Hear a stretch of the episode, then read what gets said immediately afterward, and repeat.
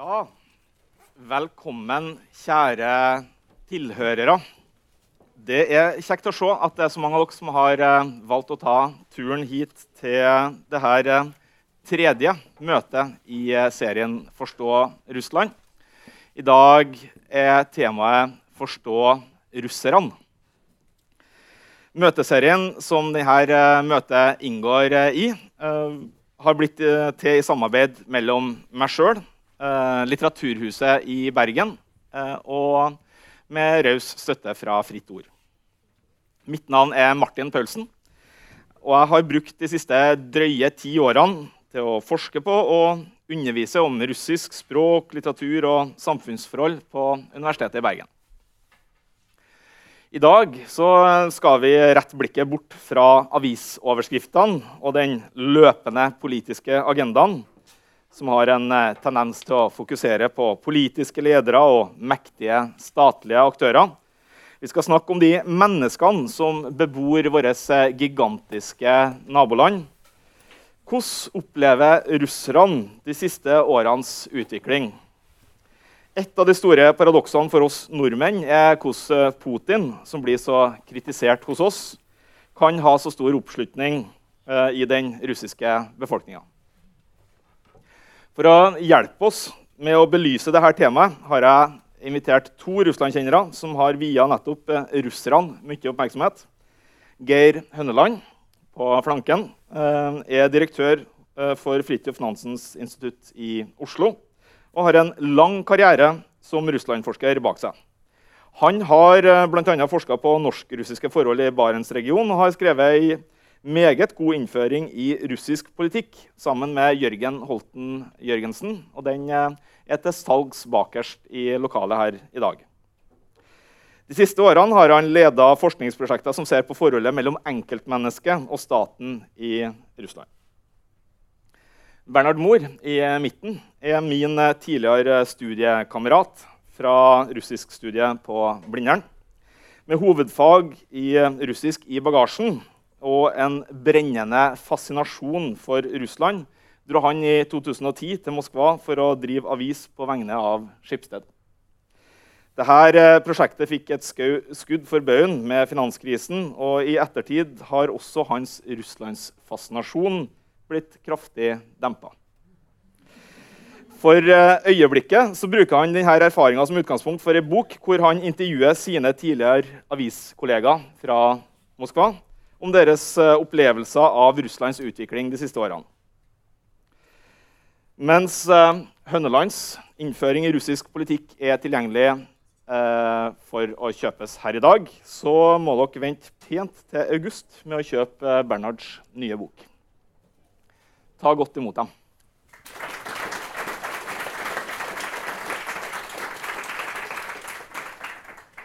Geir, jeg har gjort det til en vane på disse møtene å spørre gjestene om hvordan de vurderer forholdet mellom Russland og Norge akkurat nå.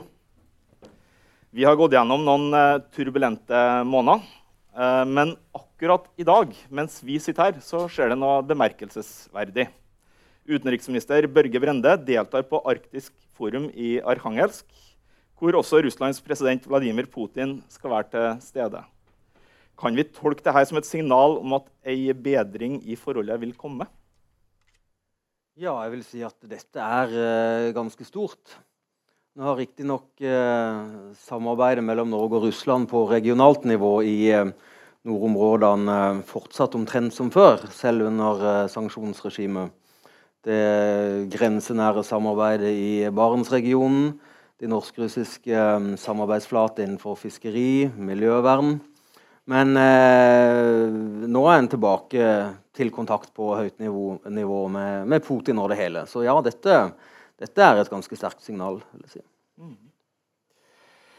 Bernhard, En annen ting som har uh, skjedd eh, veldig nylig, eh, som vi kunne se på nyhetene i helga, var ganske store demonstrasjoner i Moskva og en rekke andre russiske byer mot korrupsjon. Du har de siste månedene snakka med venner og tidligere kollegaer i Russland Tror du at noen av dem deltok på de her eh, gatedemonstrasjonene i Moskva i helga? Altså For det store flertallets del så er svaret på det nei. Eh, annonsedirektør Alleg han hater den liberale opposisjonen som pesten, så han satt definitivt hjemme. Mens uh, markedsfører Olga hun uh, pleier å omtale seg som, som, den som har russlandsrekorden i uh, å være minst interessert i politikk. Så hun var nok på sykkeltur. Men noen var der, og også noen av de som på et tidspunkt ga opp å bry seg, ga opp å engasjere seg i samfunnsdebatten, de var tilbake. og var med i demonstrasjonene og tok bilder, delte egne bilder og andres videoer på Facebook. Så eh, det er blitt sagt at de demonstrasjonene er de største som har vært på, på flere år. det, det, Slik ser det ut også på nettverket mitt, hvis man skal dømme etter det. da. Mm. Jeg vil høre litt om det bokprosjektet som jeg så vidt eh, introduserte eh, her i stad. Hva var det som fikk deg til å reise tilbake til Moskva for å skrive bok? Om dine tidligere kollegaer? Altså I 2006, eh, ikke i 2010, men i 2006 så uh, eh, flytta jeg til Moskva. Uh, da Skipsted-konsernet, som er kjent som eier av Bergens Tidende bl.a., og VG og Aftenposten osv., uh, kjøpte opp en gratisavis i St. Petersburg og uh, beslutta å lage en søsteravis i Moskva. Uh, og da kom jeg inn i et miljø av høyt utdannede, oppegående russere. Jeg var enslig vestlig på arbeidsplassen. Um, vi lagde en avis som var tufta på vestlige prinsipper for journalistikk uh, og ytringsfrihet. Um, og jeg opplevde at de menneskene som eh, jeg jobba sammen med, vi delte alle troen på at et, et, sånn, et sånt produkt uh, kunne bidra til å gjøre det russiske samfunnet mer transparent og, og kanskje demokratisk. Um, som du nevnte, så kom finanskrisen og sparka beina vekk under prosjektet. Det russiske reklamemarkedet ble halvert fra 2008 til 2009. Skipsted solgte seg ut, og sjøl så bytta jeg jobb og, og, fikk Russland litt på avstand. Men jeg hadde en litt sånn um, en overfladisk forbindelse til en del av de gamle kollegene på Facebook. Og Så skjer det da noe i 2014 som kan du si trekker alle som har hatt noe med Russland å gjøre, tilbake til, bordet. Til bordet. Eh, og Da tenker jeg selvfølgelig på Maidan-revolusjonen i Ukraina og Russlands påfølgende annektering av eh, Krim og eh, støtten til opprørerne i Donbass, eller hva vi nå skal kalle det. Eh, en ikke-erklært krig er kanskje riktigere benevnelse. Eh, men samtidig som da kan du si, Fordømmelsen av Russlands handlinger der var veldig unison i vestlige medier og fra vestlige politikere. Så får jeg et helt annet bilde på Facebook fra disse tidligere kollegene. Um, hvor det bl.a. er en som da skriver at uh, bombene som faller i, i Luhansk, i Donbass, det er amerikanernes angrep på det, på slavi, det slaviske folket.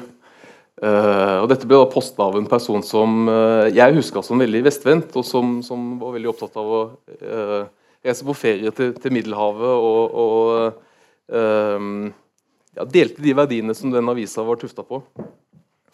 og når jeg så dette mer og mer hos stadig flere av disse tidligere kollegene, så ble jeg veldig nysgjerrig på hva er det egentlig som har skjedd i det russiske samfunnet på de ti årene som har gått. Uh, hva er det som har fått sympatiene deres til å snu? Uh, så Fra mai i fjor til februar i år så har jeg da reist til Moskva og St. Petersburg og til Sør-Russland, nær den ukrainske grensa. Og også til Vilnius for å snakke med en som har reist i eksil. Uh, og gjort da dybdeintervjuer med både tidligere kolleger og andre folk som tilhører den urbane middelklassen, som jeg pleier å kalle dem. Mm. Ja, for det er et poeng her. Du, du jobba i Moskva, eh, som er en eh, metropol, en, eh, en, av Europas eh, største byer. Eh, og du jobba sammen med det man vel må kalle en gryende russisk middelklasse. Hva er det som kjennetegner denne russiske middelklassen i Moskva? Jeg pleier å si at eh, jeg er opptatt av de russerne som i løpet av Putins to første presidentperioder, altså fra 2000 til 2008, Uh, lærte seg å, å, drikke Barolo og spise bri. Som uh, begynte å reise til Barcelona og til Berlin på sommerferie. dette er mennesker som har akkurat det samme forholdet til digitale medier og iPhones som det vi har. Russland opplevde en voldsomt sterk økonomisk vekst fra, som begynte omtrent da Putin tok over i 2000 som president. Um, og folk fikk, Ganske mange mennesker i de største byene fikk etter hvert en, en levestandard som, som, kanskje ikke kan måle seg med uh, gjennomsnittsnordmannen, men kanskje med gjennomsnittstyskeren eller andre sentraleuropeere. Um, gjort ulike forsøk på å tallfeste hvor mange de er, men mange, det er noen som snakker om at det er 15 millioner, 20 millioner, 25 millioner. altså En del av den russiske befolkningen som, som har en uh, materiell velstand som, som, minner mye om, uh, om, det man har i Vesten. Og Det man skulle kanskje forvente, er jo da at, at, at disse kunne være i stand til å drive den eh, samfunnsutviklingen i mer demokratisk retning enn en, slik Russland har utvikla seg. Men, men, faktum er jo at de i veld, veldig stor grad uh, støtter like mye opp rundt uh, Putin og regimet Kreml som, som, fattigere og mindre opplyste mennesker på, på landsbygda. Mm. Var politikk noe man diskuterte i eh, redaksjonslokalene i avisa når du jobba der? Ja, i høyeste grad. Altså, dette var jo en avis som, som var vinkla på lokale forhold, men, men altså, vi skrev jo om om, om, om Duma-valget i 2007. Vi, vi, vi, skrev veldig mye om uh, lokalpolitikk i, i Moskva. Um, eh, 2006-2007 var jo en tid da altså Russland hadde jo på det tidspunktet allerede tatt en del skritt i, i mer autoritær uh, retning. Freedom House, f.eks., den amerikanske organisasjonen, hadde Eh, flyttet sin vurdering av det russiske samfunnet fra 'partly free' til 'not free' fra 2004 til 2005. Eh, men vi opplevde jo som jobba der, at, at det fremdeles foregikk en, en kan du si, indre debatt i samfunnet om hvilken vei man skulle ta. Og det var jo voldsom Det kokte i redaksjonen under disse her demonstrasjonene som foregikk den gangen, de såkalte ueniges marsjer, ledet av bl.a. Gary Kasparov. Uh, det hendte at en av fotografene våre kom så tett på at han ble innbrakt av politiet. Uh, måtte tilbringe en, uh, et døgn på glattcelle før han kom tilbake inn i redaksjonen og ble mottatt som en helt. Så vi, jeg opplevde at, at alle som jobba der, delte det jeg vil anse som liberale vestlige verdier, da, hvis vi kan kalle det det. Mm. Eh, men sånn er det ikke lenger. Mm. I hvilken grad var det mulig innenfor rammene av den avisdrifta som dere hadde, å være maktkritisk? Ja, Det ble jo lenge diskutert i Skipsted da i 2005, da vi så på muligheten for å gå inn i Russland, om vi skulle gjøre det eller ikke. Um, Altså 2006 var jo det året da Anna Politkovskaja, den, den regimekritiske journalisten, ble tatt av dage. Uh, Freedom House som sagt, uh, hadde da vurdert Russland som ikke-demokratisk. Um, spørsmålet var om det var, liksom, om det var, i strid med våre verdier da, å drive avis der borte. Men fordi avisa var uh, gratis, fordi den kom ut en gang i uka, og dermed ikke kunne sette agenda like mye som et en dagsavis, eh, og fordi den var orientert mot lokale forhold, så beslutta vi at det var mulig å uh, drive avis basert på uh, ja, Vær varsom-plakaten. Mm. Um, og det, det, det, greide vi. altså Vi opplevde klammeri med myndighetene flere ganger, men ingenting som var så alvorlig at vi ikke greide å løse det. Vi skal etter hvert uh, snakke litt med, med Geir om uh, en annen del av Russland og russerne som bor der, enn Moskva. Uh, hvordan opplever du at det her Moskva-perspektivet forholder seg til det regionale perspektivet? Selv om du jobber i Moskva, så har jo denne researchreisen din også tatt deg til andre deler av, av landet? Ja, altså um den middelklassen, kan du si, den, den befinner seg nok altså Moskva alene blir for enkelt, på en måte. Man kan si at den urbane middelklassen den, den, Du finner den i Moskva og i St. Petersburg og i de, store, de andre store byene i europeisk Russland.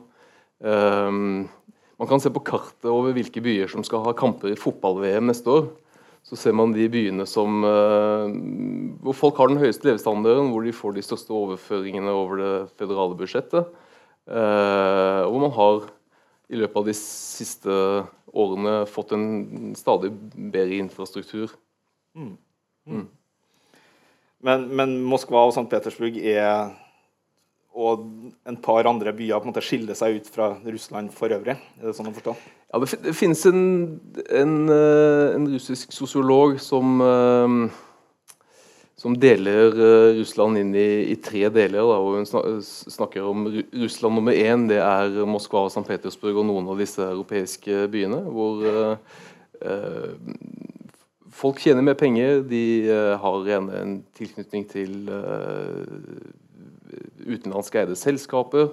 De har tilgang på, på flere medier. Um, altså generelt høyere levestandard. Og så snakker vi om et Russland 2 hvor hun putter inn mange av de mellomstore byene. altså Russland har 14 byer med mer enn en million innbyggere, og 33 byer med mer enn 500 000 innbyggere. Mange av disse er da Russland 2. De er gjerne basert rundt uh, industri. Mange av dem har uh, gjerne én hjørnesteinsbedrift som, uh, som, sysselsetter la oss si 20% av befolkningen. de har en livsførsel som kanskje minner litt om det de har i de største byene, men de har lavere kjøpekraft. Og så snakker vi om et Russland nummer tre, som da er landsbygda, som, som er, ligger veldig langt etter, og hvor levestandarden er en helt annen. Og folk driver ofte mye med naturalhusholdning, dyrker sin egen mat osv. Mm, mm. Geir, du uh, har en, en mangeslungen forskerkarriere kan man si, eh, knytta til uh, Russland. Men et av de temaene som har opptatt deg de siste årene, er nettopp russerne. Deres identitet og forholdet både til egen stat og til naboene. Et av disse prosjektene leder fram til en bok som heter 'Borderland Russians'. Kan du fortelle om bakgrunnen for dette prosjektet? Mm. Mm. Det kan jeg gjøre. Først um, litt apropos til det du sier, Bernhard, om din erfaring med, med gamle russiske venner. Eh, også relatert til, til, det bokprosjektet. En av mine eldste venner i Russland, ei dame i Murmansk. En typisk produkt av eh, den åpne grensa, Barentssamarbeidet med Norge. Barentsborger, som jeg pleier å kalle det. Som reiser mye til Norge, som har barn, som har vært på utveksling ved norske skole. Liberal, åpen for omverdenen. Hun flytta etter hvert sørover, så jeg har ikke sett henne på noen år. Men eh, etterkant av eh, anneksjonen av Krim så begynte hun å sende meg meldinger på Facebook. Og det ble mer og mer, mer og mer aggressivt. Altså med, med masse informasjon, eh, lenke til russiske medier om um, hvordan vi i Vesten er, er hjernevaska. Og det, det, ble så aggressivt at jeg faktisk måtte stenge Facebook-profilen min uh, en stund. Det sier litt om, om styrken i dette engasjementet. Men um, min interesse for russisk identitet kom um, utover 90-tallet, mens jeg jobba med langt mer praktiske ting. Studerte russisk fiskeriforvaltning, miljøforvaltning, atomsikkerhet, den type ting. Og um, på denne tida så ble også det såkalte Barentssamarbeidet mellom Norge, Sverige, Finland og Russland etablert. Hvor uh, det tas som uh, et premiss at nordboere er grunnleggende like.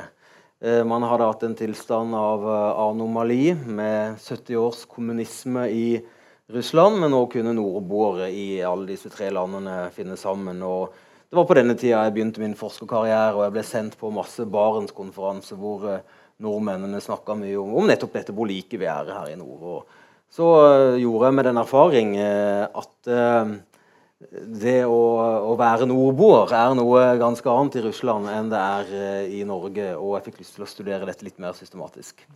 Så jeg har gjennomført en serie med dybdeintervjuet, gruppeintervjuet. Og jeg skal, må jo passe på å si at jeg ikke kan generalisere, men når det er sagt, så, så sammenfaller mine funn i ganske stor grad med det andre har, uh, har funnet ut. Det er sånn forskning bygges. Og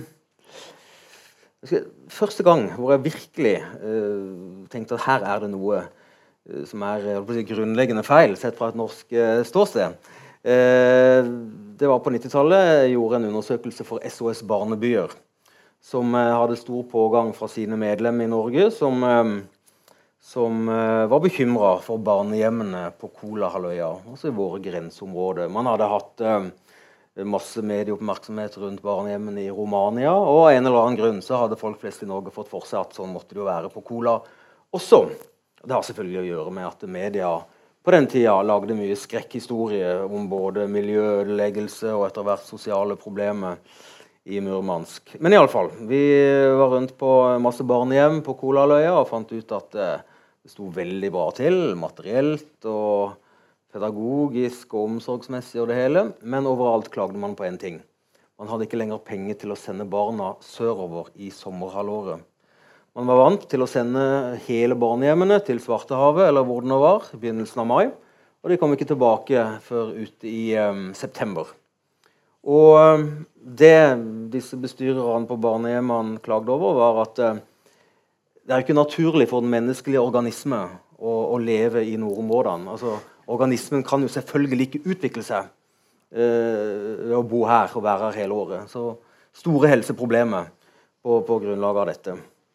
Eh, uansett. eh, gjennom mine intervjuer så, så landa jeg på den konklusjonen at den russiske nordboer uh, oppfatter seg sjøl som um, høyt utdanna.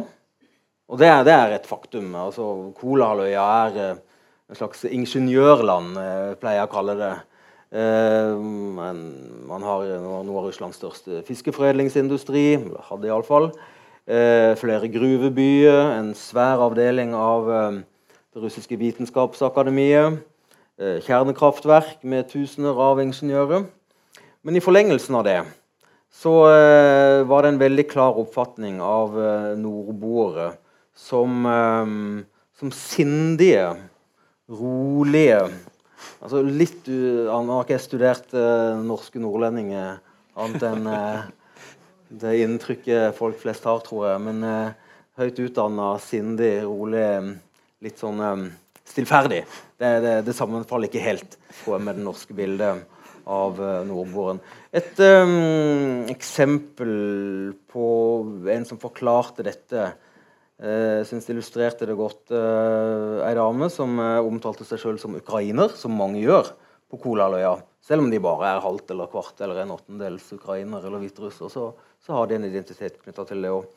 Hun fortalte at hver sommer så drar hun sørover til Ukraina. eller vil si, det gjorde hun, hun gjør ikke det nå lenger. Og Da må man ta et tog til Moskva, dra over på en annen jernbanestasjon og ta et nytt tog. Og så på toget fra Murmansk til Moskva er det helt stille. Folk er veldig vennlige og hensynsfulle, men snakker med lav stemme. Så går du om bord på toget fra Moskva til Ukraina. Der er det skrik og skrål og, og det hele.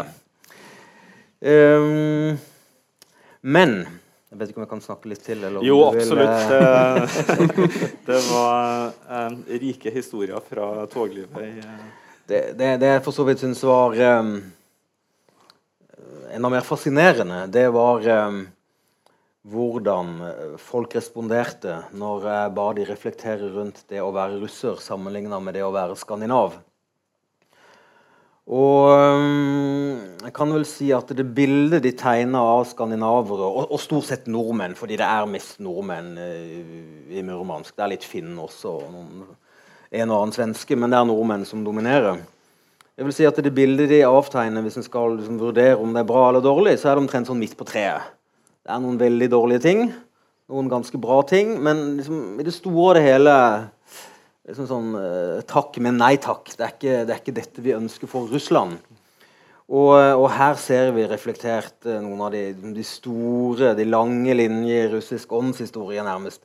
Eh, Oppfatninga av hva det vil si å være russer eh, sammenligna med det å være fra Europa. Um, altså en, en, sånn dyp politisk, uh, filosofisk skillelinje i Russland går mellom de såkalt vestvendte og de slavofile. Altså de vestvendte, det vil jo selvfølgelig si de som mener at Russland bør lære av Vesten, bli som Vesten. Eh, mens de slavofile inntar det helt motsatte eh, synet. Altså at eh, Russland må eh, vende seg bort fra Vesten, holde seg for nesa og eh, snu seg vekk, som en forfatter uttrykte det. Og Vesten presenteres som et, et, et sånn lik av materialisme, mangel på moral, ugudelighet osv. Og man kan igjen trekke linje til, til ortodoks kristendom, oppfatninga av Moskva som det tredje rom, som et moralsk fyrtårn i verden. Eh, men tilbake til, til nåtida. Så, eh, så, var det ikke sånn at folk uttrykte seg på den måten direkte, at vi russere er mer moralske, mer sjelfulle enn dere nordmenn. Men eh, det, det skinte gjennom ganske tydelig i det bildet som ble tegna av et Norge som først og fremst kjedelig. Det er liksom det stikkordet som, som flest tenker på. Mm. Velstående, men kjedelig. Eh, og litt sånn matt og daft. Langsomt. Men altså igjen, materielt eh, står det veldig bra til. Og jeg fikk høre ulike altså Det var noen som omtalte det som en sånn Barbie world, en plastikkverden. Altså, ikke noe sjel, men pene mennesker som gakker rundt. og jeg synes den, den, beste eller morsomste sammenligninga var den gamle amerikanske såpeoperaen så det het Santa Barbara. var det? Nei. Jo. Ja. Eh, hvor alt foregår veldig sakte. Altså, det skjer jo ingenting. Og menneskene er glatte. Og eh, altså, Det var jeg som omtalte da liv i Norge som Santa Barbara. Jeg syns det var ganske, ganske god beskrivelse. Og eh, ja, altså selvfølgelig. Folk, eh, folk eh, verdsetter eh, sider ved, ved, Skandinavia, men, men, først og fremst altså så, så, er det, altså som en uttrykte det Av og til får jeg lyst til å bare ta de i nakken, altså nordmennene, og riste litt liv i dem. Kom over til oss i Russland og lev livet. Det ser jo så vanvittig kjedelig ut der over i Norge. og Et av intervjuene mine, et gruppeintervju med tre middelaldrende damer, så forteller hun ene dame at hun har en datter som er gift i Norge. Og bryllupet i Norge det var som en sånn um, antropologisk erfaring. Og det var ikke det at hun hadde, noe, hun hadde en veldig dømmende holdning. Det var bare så annerledes. Altså, tenk, de er så nær, men det er som å være på en annen planet. Og hun forteller de andre damene om hvordan det var. Og først, først og fremst så er, det, så er det så forsiktig og frugalt. og Altså, Hun forteller om maten. Noen stakkarslige liksom, sånne kjøttstykker som ligger rundt forbi, og bitte litt vin i glassene. Og alt går så tregt, og folk må legge seg ned og hvile seg litt av og til. Det er bare en annen planet. Men så, hvis jeg bare kan ta et siste poeng her så, så Parallelt med dette veldig positive bildet som tegnes av det å være russer, så, så litt avhengig av hva slags spørsmål jeg stilte, så kunne denne, enten denne veldig positive framstillinga komme, eller det helt motsatte. Nemlig bildet av Russland som det landet hvor alt som kan gå galt, vil gå galt. Så ingenting fungerer. Dette elsker russere å, å, snakke om. Fortelle den ene historien verre enn den andre. Og uh, En som jeg synes oppsummerte det her veldig godt, uh, det var uh, Jeltsins gamle statsminister Tsjernomyrdin som etter eh, en del år som statsminister konkluderte med at vi, vi ønska det beste, men det endte som alltid. Som det pleier å gjøre i Russland. Og, um, men, eh, men, jeg vil si at det er en, eh, en sammenheng her også. Det er liksom sånn galskapens Russland. Det er Ja, det skjer masse forferdelige ting og uventa ting, og man vet aldri hva morgendagen vil bringe, og plutselig mister man sparepengene sine osv. Men det er liksom vi får en følelse av at vi lever, i motsetning til folk på andre sida av grensa. Men det, det, det her syns jeg er litt, litt, interessant ut fra uh, på en måte det uh, samarbeidsparadigmet Uh, um, som, som, forholdet mellom Russland og Norge eh, eksisterte under fra 90-tallet og, mm. og framover. Fordi særlig på, på 90-tallet, som du eh, var inne på sjøl, så var det jo en tanke om at vi måtte hjelpe russerne. Altså Det var på en måte bistandsparadigme bistandsparadigmet som dominerte i samarbeidsforholdet mellom mm. Norge og Russland. Eh, hvordan eh, opplevde de her eh, russerne som du snakker om, som på en måte jeg vet ikke om man kan si at de så ned på, på nordmennene, Mm, men de hadde De så kanskje ikke at på Norge som en eh, sivilisasjon som sto eh, over dem i noe slags hierarki. Hvordan opplevde de det å bli utsatt for norsk bistand, for å si det på den måten? Ja, det er et godt spørsmål. og eh, altså, mye av dette samarbeidet eh, fungerte veldig godt. Eh, og eh, men, men det ble av utenforstående i Norge, Norge liksom lagt inn i en slags bistandsdiskurs. Altså Der hvor det var seminar, eh, samarbeid, som skulle alltid norske journalister ha bilde av nordmennene som lærer opp russerne. Når det er sagt, så eh, altså litt uavhengig av selve opplæringa, opplæringselementet her, men mer eh, generelt i hvordan eh, vårt bilde av hverandre var, så, eh, så, må jeg si at jeg personlig syns det var eh, ganske trist eh, i perioder på 90-tallet. Det bildet som ble tegna av, um, av våre naboområder i øst som, um, som et katastrofeområde. Lutfattig. Um, jeg husker jeg underviste på den tida, eller noen år senere i Tromsø, på Universitetet i Tromsø om Barentssamarbeidet. og Da pleide jeg av nysgjerrighet å spørre studentene hva slags inntrykk de hadde av Russland, Nordvest-Russland, hva de visste om våre naboområder. Og da var det stort sett sånn, fikk jeg stort sett sånne svar som at det er et av Russlands fattigste områder. Og det er jo ikke riktig i det hele tatt. Det er et av Russlands mest velstående områder. Og um, ikke bare at det er det rent faktisk, men det er en veldig sentral del, vil jeg hevde, i identiteten. Den regionale identiteten her. At, uh, som jeg var inne på i stad, vi er et uh, velutdanna, kultivert ja, folkeferd, vi uh, russiske nordboere. Og mens det altså i, i, norske medier ble skapt et bilde av, av nordvestrussere som, som lutfattige og ja, nærmest usiviliserte. Og det ga seg utslag, dessverre, eh, som eh, en del sånne spontane hjelpeaksjoner som jeg personlig syns var ganske pinlig. Og det, det, er jo veldig trist, fordi det er godt ment fra norsk side. Eh, når et lokalsamfunn bestemmer seg for at nå skal vi sende, sende klær til Murmansk og uh, altså, Jeg tror det er så fjernt for disse russerne at noen kan få det inn i hodet i Norge. At uh, vi må sende gamle klær og sko til oss. Altså mm. En fullstendig clash i, i oppfatning av, uh, av, av, hvem vi er. Mm. Du snakka om, om det her identitetsforståelsen som på en måte hadde to motpoler for altså de som bodde i Nordvest-Russland. Det ene var liksom det skandinaviske, mens det andre var eh, sør eh, i Russland. Kan jo si litt mer om, om hvordan de identifiserte seg i, eh, i, forhold til kanskje Moskva som sentrum, eller eh, sørlige områder i Russland? Altså Først og fremst så snakka folk om ja, det de bare kalte for sør. og Jeg måtte av og til spørre hva mener dere egentlig med sør. Og folk hadde ulike definisjoner av det. Men, eh, men stort sett sør for der en var, var sjøl, da. men mange hadde særlig referanseramme til, til altså, sørlige deler av det tidligere Sovjetunionen, Ukraina, til dels Hviterussland. Og det jeg oppdaga, det var at det var en veldig, en veldig klar forestilling om uh, hva det vil si å være nordboer. Som jeg har sagt. Altså, uh, etter hvert så skjønte jeg at dette nesten er litt sånn indoktrinert fra sovjettida. Altså skapt et bilde av de som drar nordover med å bygge landet hadde tjente mer, hadde flere fordeler.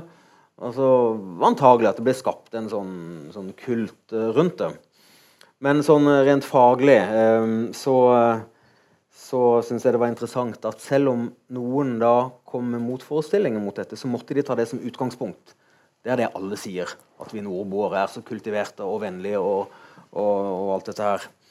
Men så var det enkelte røster som som problematiserte det.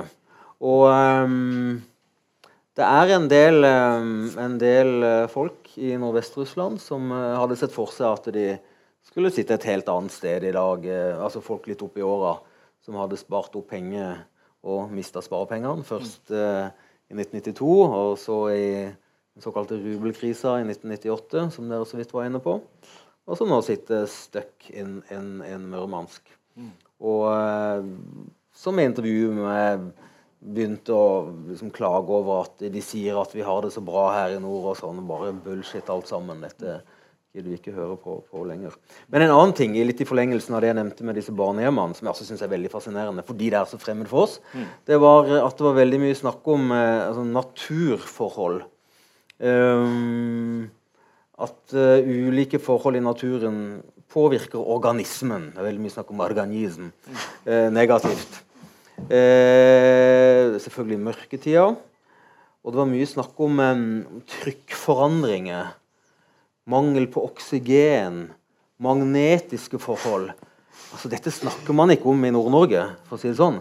Og jeg har ikke forutsetninger for å vurdere om det er noe i det. Jeg vil tippe at det er et eller annet i det, rent sånn eh, naturvitenskapelig. Men, men hallo, liksom. Uh, jeg tror ikke helsa til folk i Nord-Norge er så mye dårligere enn uh, hos oss søringer. Og snarere så er kanskje den norske konteksten det med at det barske klimaet ja, ja. At det dyrker en, en, ja. en sunn et sunt legeme. Ja, ja, Eller fram, mens, eh, mens uh, det er en slags motsatt uh, tilnærming i Nordvest-Russland. At uh, det er ikke naturlig for den menneskelige organismen å være her. Mm. Men vi er, en, vi har ofra oss i kampen for, for fedrelandet. Mm. Og, og, og, nettopp det at vi er så, så, så bra utrusta i utgangspunktet og jobbe her i disse barske omgivelser, det gjør oss, det herder oss. Mm. Så det forsterker den oppfatninga av eh, nordboere som noe helt spesielt. Mm. Berner, du har, du har, nevnt for meg tidligere at når du eh, jobba i redaksjonen i, i, Moskva, så var det mange av de her medarbeiderne dine som kom fra helt andre områder, enten av Russland eller nabolandene. Hvilken grad opplevde du at de tok med seg sin regionale identitet inn til Moskva og var stolt av den? Eller var det sånn at det på en måte var noe man la igjen i bagasjen eller ikke tok med seg i bagasjen inn til storbyen? Altså 2006-2007 det var jo en, en, sånn Da var det en vill vekst i russisk økonomi. Det var en, det var en jobbetid. Um, det var litt sånn Klondyke-stemning.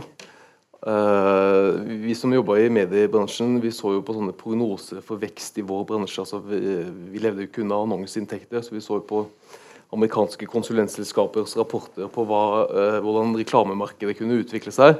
Uh, og de pekte jo opp i skyene.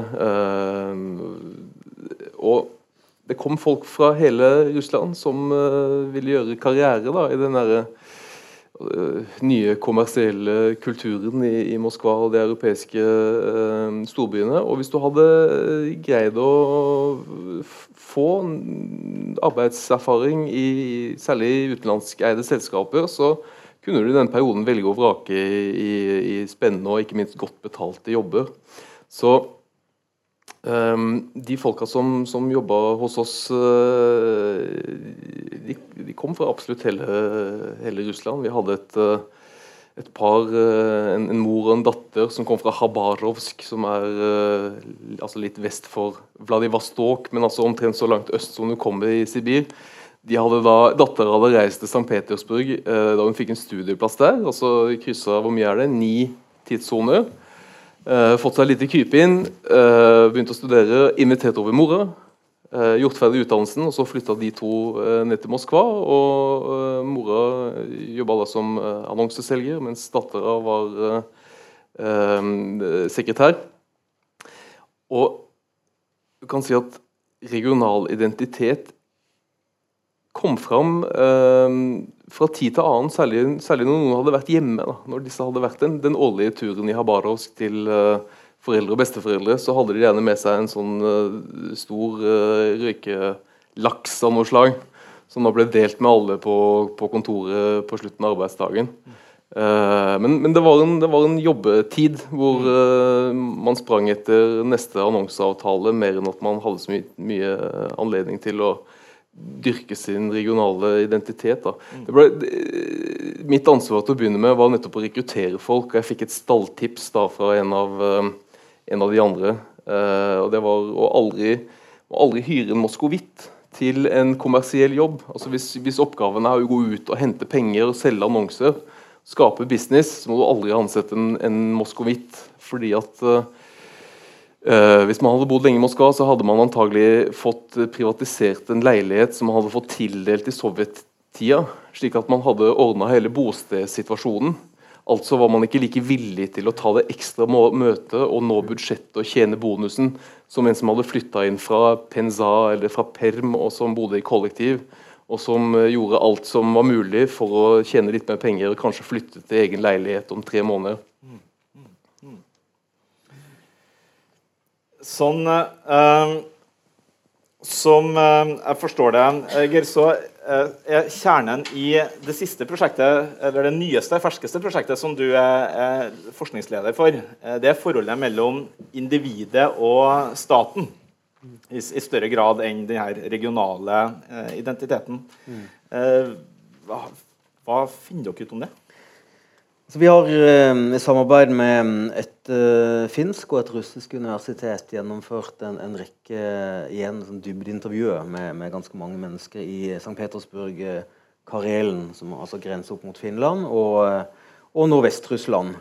Og Vi er ikke helt ferdig med å bearbeide det materialet, men et hovedinntrykk er at um, mange sier at de er positivt overraska over sitt møte med statlige myndigheter. Altså vi har uh, spurt dem om hvordan, hvilke erfaringer de har gjort seg med helsevesenet, utdanningsvesenet, rettsvesenet, uh, byråkratiet generelt de senere år. Og det er helt klart at uh, tjenestetilbudet fra det offentlige har blitt bedre. Ikke minst gjennom ulike elektroniske muligheter til å, til å komme i kontakt med, med de, de relevante statlige myndigheter. Og folk rapporterer også om at uh, byråkratene har blitt vennligere. Uh, det er mindre korrupsjon. F.eks. trafikkpolitiet er jo, er jo um, berykta for sine, sine, krav om betaling for det ene og det andre. Folk sier de blir overraska. Det, det, skjer i mindre grad. Men, men der hvor folk snakker mest om problemet, det er i helsevesenet og i utdanningsvesenet. Eh, når det gjelder utdanningsvesenet, så, så, er det mye snakk om, eh, om fusk på, i, altså i, i høyskole- og universitetssystemet. altså Folk kjøper seg diplom og alt dette her. Mm. Når det gjelder småskolen, eh, så, så, er det mer altså at man, man, må betale for alt mulig. Jeg husker det her er det, det, det, er så masse vill historier, og jeg vet ikke hva som er sant og ikke. Det er en egen sånn russisk talesjanger, det å overgå hverandre i eh, galskapshistorie, som jeg, som jeg var inne på. Men det var en som fortalte at um, ja, jeg, tror da han sjøl gikk på skolen, han var, var, ikke så veldig gammel, han her da, at uh, lærerinna drev og maste om penger til bursdagen sin hele tida. Når hun hadde bursdag, så gikk hun omtrent rundt med hatten og skulle ha gave. og Hvis noen ga litt lite, så slang hun det tilbake og sa Hva tror du mannen min kommer til å si når jeg kommer hjem med dette her? Nei da. Um, men uh, folk viser også også mye sympati for nettopp lærere og lege, fordi dette er lavt betalte yrke. Altså, det er litt sånn fascinerende. Lege har en høy status store deler av verden, vil jeg tro, men i Russland har det alltid vært eh, lav status. Eh, mm. typisk kvinnedominert, eh, lavt betalt yrke.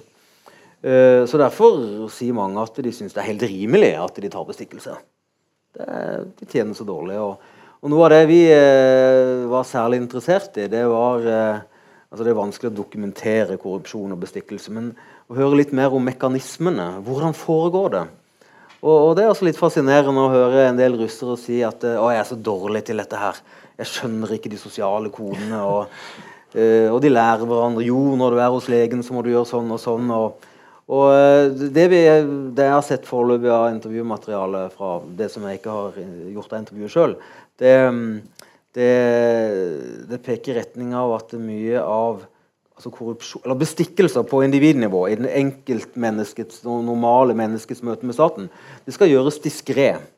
Det er, eh, det er normer. Ikke alle kjenner disse normene. Men, eh, men det er sånn som noen sier at eh, er du på legekontoret, så skal du forsiktig smyge noen sedler ned i, i lomma når legen går forbi. For at, og eh, det var en som fortalte en fisker, eller kapteinen fra Murmansk, som fortalte at de, årlige, de må ha sin årlige helsesjekk for å beholde helsesertifikat, eller hva det heter. Og, Og da var det sånn uh, tegn på um, Altså legen uh, viste av antall fingre på hvor mange hundre rubel de skulle ta, betale, måtte betale for ulike deler av undersøkelser. Og, og det, dette var liksom på sida. De måtte sikkert betale formelt, men så var det liksom en finger nå og da. liksom Et par hundre rubler her. Og. Men altså, dette er um, dette Hovedbildet er altså at det har blitt mer sivilisert. Mindre korrupsjon, mindre bestikkelse i, eh, i, i, hverdagslivet til folk. Mm. Bernard, du, du, hadde en eh, reportasje i Morgenbladet for et uh, drøyt år siden, kanskje, hvor du fortalte litt om uh, moskovittenes syn på hva byen har gjort for dem de siste årene. Kan du fortelle litt om, om det? Altså, det, som, eh, det, som, er litt rart hvis, du, hvis man er ute, ute, og flyr for å ta en liten sånn omvei Hvis man er ute og flyr med Norwegian og blar opp på nest bakerste side, um, så har man kart over alle stedene der Norwegian flyr. Der ser man at hele Vest-Europa er, der er det tett i tett med prikker til alle mulige storbyer og steder langs Middelhavet man kan reise. Og Den delen av verden er jo kommet mye nærmere de siste 20 årene fordi det er så lett å reise. Uh, og så ser man på den østlige siden av kartet der er det helt tomt. Men den må varme fordi du har Dubai nede i det, nede i det høyre hjørnet. Um, vi som har vært mye i Moskva og St. Petersburg, uh, vet at dette er byer som har fantastisk mye å, å by på. Um, og at altså, Moskva er Europas største by, St. Petersburg er den tredje største. Så, så man, man, burde jo liksom, Storbyturismen burde jo definitivt inntatt disse byene også. Og særlig Moskva er, jo, er i løpet av de siste årene Eh, eh, har fått utrolig mange forbedringer både for turister og ikke minst for de fastboende. Eh, jeg vet ikke om noen by hvor merkingen av offentlig transport er bedre. Altså Overalt hvor man beveger seg i sentrum nå, så er det tospråklige skilt som viser hvor man er, hvor den nærmeste T-banestasjonen er, nærmeste trikkbuss osv. Um, så Det er helt utvilsomt at myndighetene bruker mye penger og ressurser på å gjøre Uh, disse storbyene enklere å, å leve og, og, bo i. I mai i fjor var jeg da med en tidligere kollega på å sykle til jobben. Og Da jeg jobba der i 2006, så var, var, det helt utenkelig at noen skulle liksom finne på å sykle til jobben i denne her, uh, trafikkmaskinen Moskva. Men han uh, bor da nede i sørvest, og kontoret hans er i, i, i, i nordøst. Og han sykler gjennom byen fra mai til september. Eh, og Det er blitt mulig fordi at eh, myndighetene legger til rette for det ved, med sykkelveier i, i, deler av sentrum. Det er ofte, mm, ved innfartsveiene så er det ofte så brede fortauer at det er mulig å sykle. Og så er det, også, det er blitt veldig populært å bruke sånne knøttsmå sammenliggbare sykler som du kan bære med deg når du må under en T-bane eller en sånn fotgjengerundergang.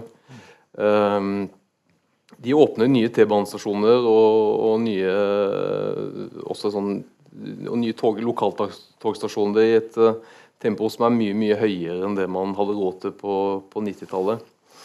Uh, eh, en annen ting som har imponert meg på de turene jeg har tatt, det er en app, en sånn universal-app for offentlige tjenester som heter Moskvas Oslogi, altså Moskvas statlige eller kommunale tjenester, hvor de kan F.eks. Hvis, eh, hvis du har barn i skolen, så vil du få en liten pling når eh, det ikke er penger igjen på matkortet. og, det, Du må fylle på mer. Uh, hvis du er så uheldig å få taua vekk bilen din, så finner du et par klikk ut hvilken sånn bilansamlingsplass bilen har havna på.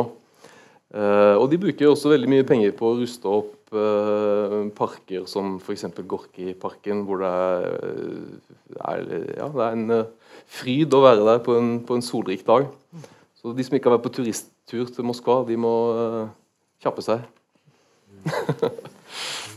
du har også gjennom denne erfaringa fra, fra, Moskva eh, førstehånds erfaring fra å jobbe med russere. Eh, hvordan er det å jobbe i en sånn dynamisk, eh, konkurranseutsatt eh, bedrift, eh, redaksjon i Moskva, sammenligna med det å jobbe med, med nordmenn i, i tilsvarende bransje i Oslo?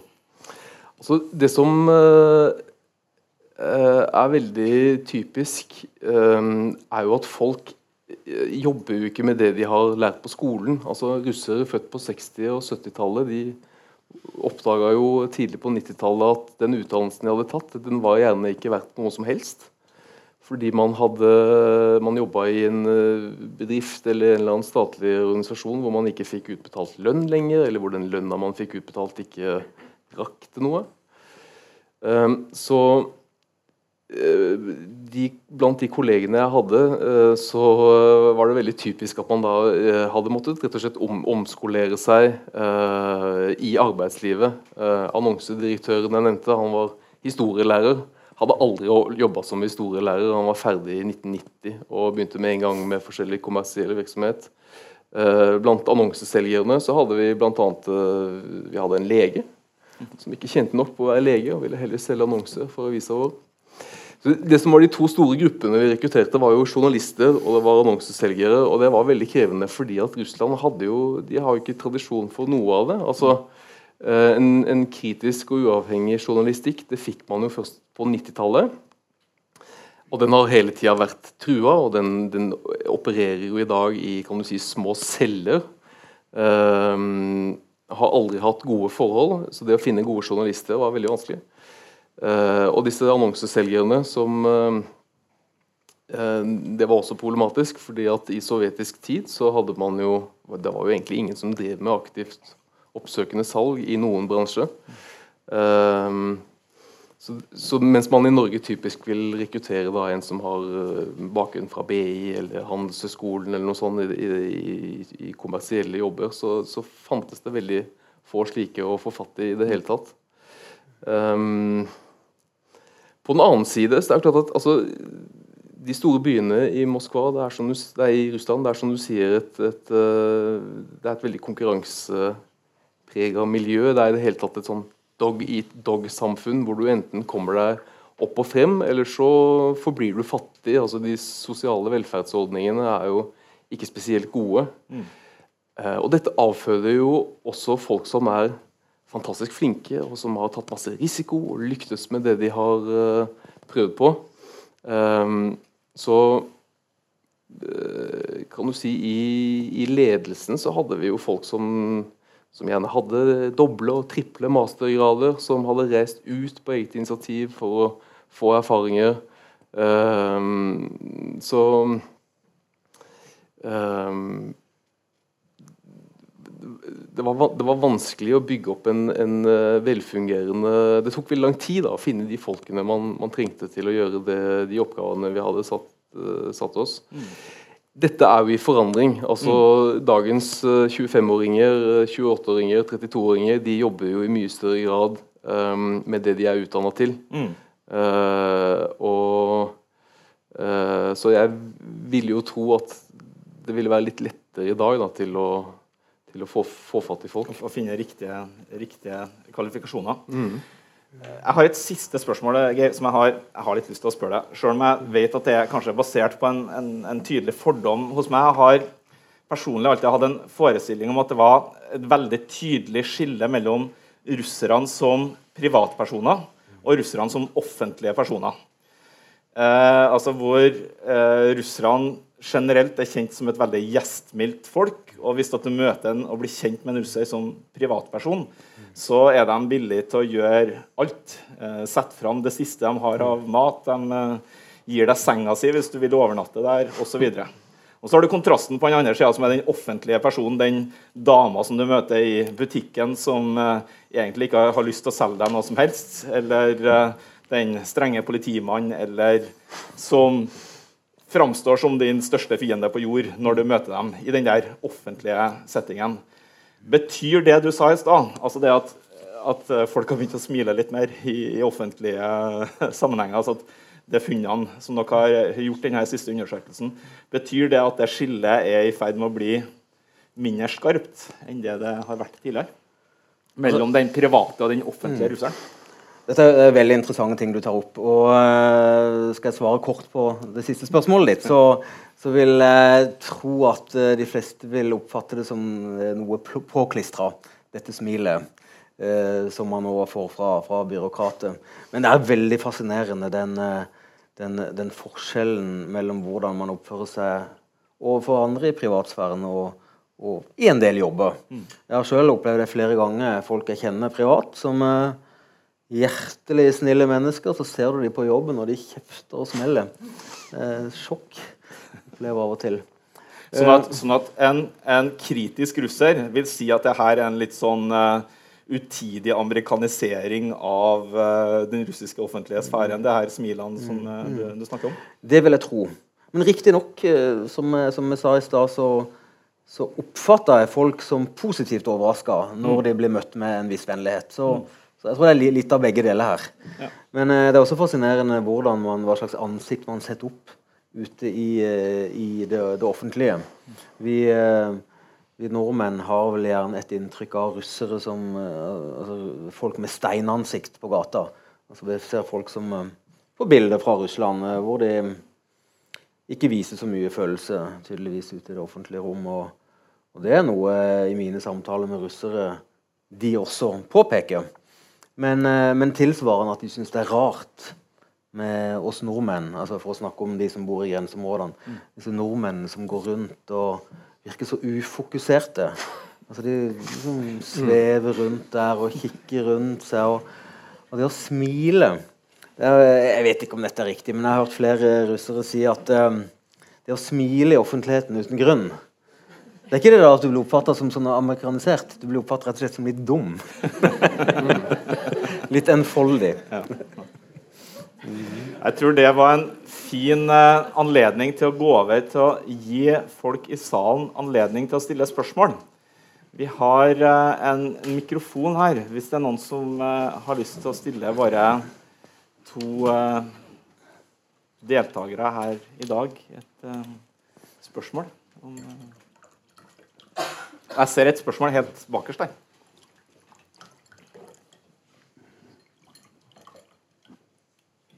takk. Eh, det spørsmålet går egentlig til begge to. Eh, dere har jo snakket litt om det, men um, forskjellen mellom by og land og spenningsforholdet der, er det sånn som vi kanskje opplever litt i Norge, at det bygges opp en litt sånn ulvedebatt og en større spenningsforskjell, eller er det på en måte veldig harmonisk? Merker dere noen forskjell på det?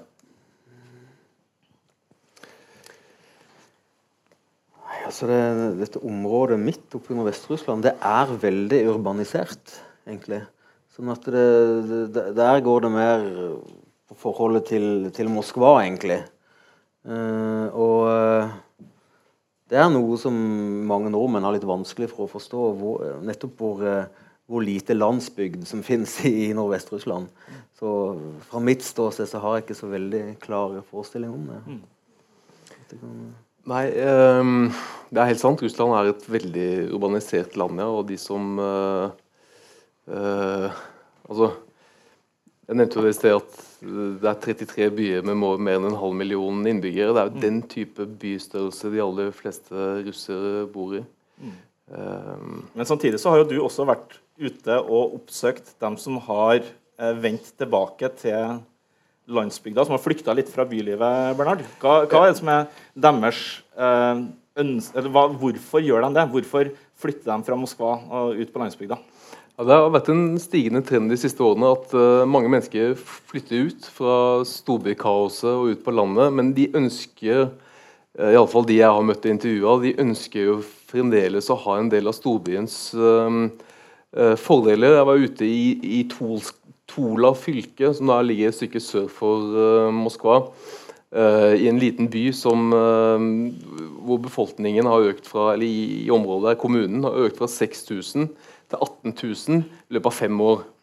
Uh, og Det er tilflyttere fra Moskva som slår seg ned i regionen der, fordi at eh, der er det mulig å få seg en tomt og bygge seg et hus og leve et nokså fritt og uavhengig liv. Men samtidig er det kort vei inn til en av de store motorveiene som tar deg inn til Moskva på, på, på en, en, times tid. Og det går også uh, tog på, en, på en, ja, to timer kanskje inn til, inn til byen.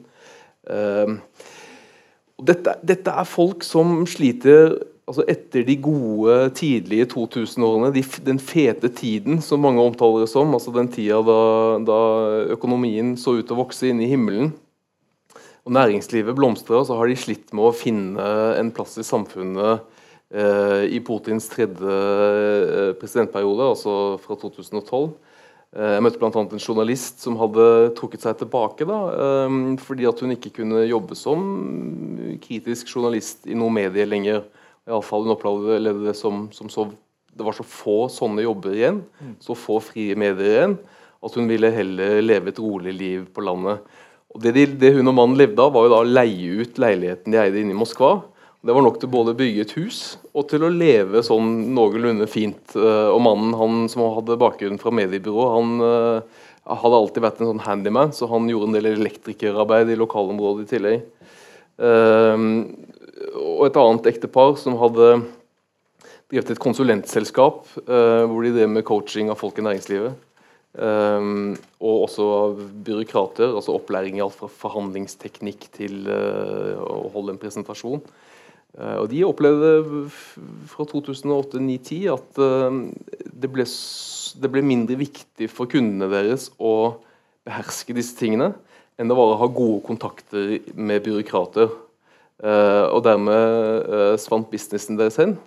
de solgte leiligheten i Moskva og bygde seg et treetasjers hvitt hus som reiste seg som en sånn anomali i landskapet hvor det ellers var bare kyr som, som gressa.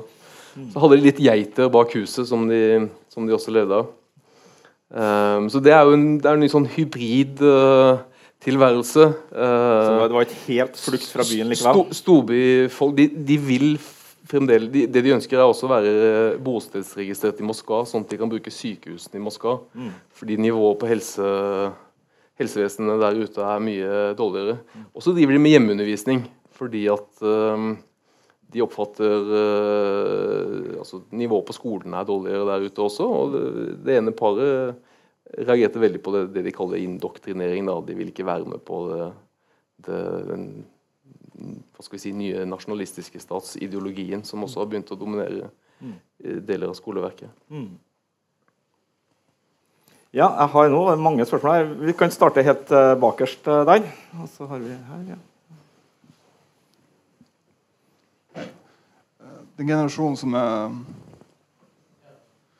en generasjon som er så gammel at de husker sosialismen og husker kaoset på 90-tallet. Og den generasjonen som uh, er født rundt 1990. Hvor stor er forskjellen uh, på de? Altså, I perspektiv på verden og Europa. Takk for det. Det var såpass mange spørsmål at jeg tror vi kan prøve å samle opp. Eh, det var På midten her også så jeg at han som var oppe. Stemmer det? Ja. Og så her fremme, ja. Jeg hadde lyst til å komme tilbake til det dere innledet med, nemlig demonstrasjonene nå i helgen, som var eh, i mange russiske byer, ikke bare St. Petersburg og Moskva, og delvis initiert av um, Aleksej Navalnyj og rettet seg mot korrupsjon. Um, det som var påfallende hvis man leser kommentarer og ser bilder, var at det var veldig mange unge, helt ned i skoleelever, som deltok, deltok denne gangen, um, som vel ikke har vært så typisk før, hvor det har vært denne middelklassen eh, som har gått ut og demonstrert. Jeg lurte på om dere hadde noen kommentar til det. Er det temaet korrupsjon som gjør det? Er det mm, Navalny, eller er det en ny generasjon som går ut på gaten og, og sier fra? Mm. Og så, ja, Vi kan ta med det spørsmålet der bak før vi kommer herfra igjen. Ja, eh, Kanskje ikke nødvendig å legge til, men jeg hadde egentlig litt samme spørsmål som de to andre er generasjonsmotsetninger. Om det er interessant å si noe om det eh, hvordan yngre russere ser på de eldre, og vice versa. Mm, mm. Og så hadde vi helt, helt uh, framst der. Ja. Jeg lurte på skattepolitikken i Russland. Mm. Går det an å si noe om den? Ja, og så et, et, helt, helt uh, innerst her. Det var et spørsmål som knytta seg til uh, kanskje den nye nasjonalismen i, i Russland. Og dette er liksom paradokser som du finner mange, mange paradokser egentlig. Altså, du har russere som hater Amerika, men de, det største eier det, det største de ønsker de har å eie, det er en iPhone. Altså, det Er du enig i det? Og så har du den, dette snakket om en, en tapt generasjon som eh, unge, eh, dynamiske folk som skulle gjøre, gjøre karriere. De skjønte det at i Russland var ikke det mulig uten at du hadde kontakter og at du hadde eh, noen som hjalp deg fram. Og Skulle de klare eh, å gjøre den karrieren de ønsket, så måtte de ut av Russland. Er det også i ferd med å forsvinne nå? Er det slik at den brain drainen som du hadde nå, begynner å stoppe opp pga. at det er flere muligheter, en ny nasjonal stolthet som, eh, som uh, utvikler seg? Mm, takk. Da tror jeg vi må sette en, en stopper for det her spørsmålet. Jeg har, eh, det var mange spørsmål som gikk på det med generasjonskløfta. Altså skillet mellom unge russere og eldre russere. Eh, på et generelt grunnlag, men også knytta til eh, de her demonstrasjonene vi så i helga i eh, Moskva og andre byer med, med mange deltakere. Og Det var også et spørsmål om, om det her med unge russere som altså, kobla opp med, mot hjerneflukt. Ja. Hva tenker dere om det? Bernhard, du har vært Ja. og, og intervjua folk relativt nylig og har liksom en finger på pulsen eh, det som foregår. Ja, altså jeg, I desember nå så var jeg over og intervjua eh, seks 25-åringer, altså alle født i 1991 da, i Moskva. Um, jeg har også lagt merke til det at det, er, det, var veldig mange unge fjes ja, som var ute og, demonstrerte nå. og Jeg oppfatter definitivt at det er stor forskjell mellom de som ble født i 1991 og de som var ferdig med skolen i, i 91. Um, den, den urbane middelklassen, de som fikk med seg de, de som er født på 60- og 70-tallet, og som fikk med seg de gode årene tidlig på 2000-tallet, de Jeg oppfatter de som, som veldig mange av de jeg intervjua, som, som nokså konservative. og De er opptatt av å beholde den posisjonen de har. ikke sant? De har leilighet, de har gjerne hytte, de har en uh, stabil inntekt og en god jobb. Og de er, uh, har gjerne unger som snart skal begynne på skolen, er opptatt av å trygge sin økonomi. Og Mange av dem vil ikke være med og demonstrere, for de er redde for å stikke seg ut og er redde for at um, det skal ha negative konsekvenser. En stor forskjell på middelklassen i Russland og i, i, i Skandinavia eksempel, er jo at de utgjør jo en ganske liten del av befolkningen. Altså, Hver eneste dag så blir du minna om at um, det kan gå deg dårlig. Det sosiale sikkerhetsnettet er ikke bra. Og um, du ser folk som er mye mindre har det, mye, har det materielt sett mye dårligere enn deg hver eneste dag. Um, så jeg, eh, Mange av de jeg har intervjua, de, de eh, er i teorien kritiske til Putin, men de vil ikke gjøre noe. De vil konsentrere seg om de små tingene, om å trygge det livet de har. Mens disse 25-åringene jeg intervjua nå nylig, eh, altså fem av seks av dem veldig kritiske til eh, Putins regime. Uh, en ting er korrupsjon, en annen ting er jo det faktum at eh, de har jo ikke lagt til rette for at man skulle kunne ha en fredelig overgang av altså skifte av, av makthaver. Mm. Man kan jo ikke se for seg at, at det skal kunne gå fredelig for seg, at, at eh, Putin og hans eh, administrasjon skal trekke seg tilbake, at det skal kunne komme noen andre. altså Eh, noe av grunnen til at folk trakk på gatene i vinteren 2011-2012, var jo dette denne rokaden som Putin og Medvedev hadde bestemt seg for å gjennomføre. Mange følte en sånn hjelpeløshet at her, her har man ikke noen eh, innflytelse på de politiske prosessene i det hele tatt. Det er en liten klikk i Kreml som bestemmer. Og det er mange av disse unge veldig opptatt av. altså. Eh, de ønsker ikke å leve i et samfunn der de ikke har noen som helst innflytelse på, eh, på, på politikk. Mm. Um, Så det, det er på en måte den tydelige skillet mellom generasjonene. altså At de som er litt eldre, de har litt mer å forsvare eh, for sin egen del og, og ta vare på, mens de yngre er i en litt friere posisjon eh, og, og kan dermed uttrykke jeg, jeg kan jo skyte inn av at de seks jeg intervjua, så var det da én som eh, er i ferd med å emigrere. Som har, var utdanna statsviter, men som ikke ønska å jobbe i den retningen, men heller ville reise til Danmark og USA for å utdanne seg til animatør. Og den sjette han var en ihu, ihuga regimetilhenger som, eh, med, som var med i, i partiet, og som drømte om å jobbe i presidentadministrasjonen i, eh, med kontroll av, eh, av helseforetak. Han var både lege og økonom, og hadde holdt også på med en mastergrad i juss. Dette var en skikkelig kar karrierist som og det største for han det var å jobbe i presidentadministrasjonen. For der var det høyest lønn, og der hadde man mest makt. Geir, har du noe å tilføye til de, de spørsmålene du fikk? Nei, ikke så mye. Jeg er ikke så hands on eh, med, med, med Russland akkurat nå. Men eh, jeg syns jo det er veldig fascinerende med den aller yngste generasjonen eh, voksne. Veldig, veldig interessant å, å, å følge med, skal det bli. Det er, min, eh, det er mitt inntrykk. Og, Da tenker jeg at det er på tide å takke for dagens møte. Eh, vi har fått inntrykk av at eh, russerne er forskjellige, dem også. Det er noen som støtter Putin, og det er noen som eh, kritiserer ham. Sånn som vi nordmenn er kanskje forskjellige. Jeg vil takke til alle oppmerksomme tilhørere, til våre to gjester, Geir Hønneland og Bernhard Mohr. Og så minner jeg om at det er et nytt møte om Russland. Forstå den russiske militærmakta den 2. mai. Samme tid og samme sted. Da har jeg invitert seniorforsker Tor Bokkvold fra Forsvarets forskningsinstitutt og oberstløytnant Tormod Heier fra Forsvarets høgskole. Billettene er allerede til salgs, og bøker om Russland, både fra dette møtet og tidligere møte, og til og med fra, for neste møte, er til salgs bakerst i lokalet her og nede i bokhandelen i første etasje. Takk for i dag.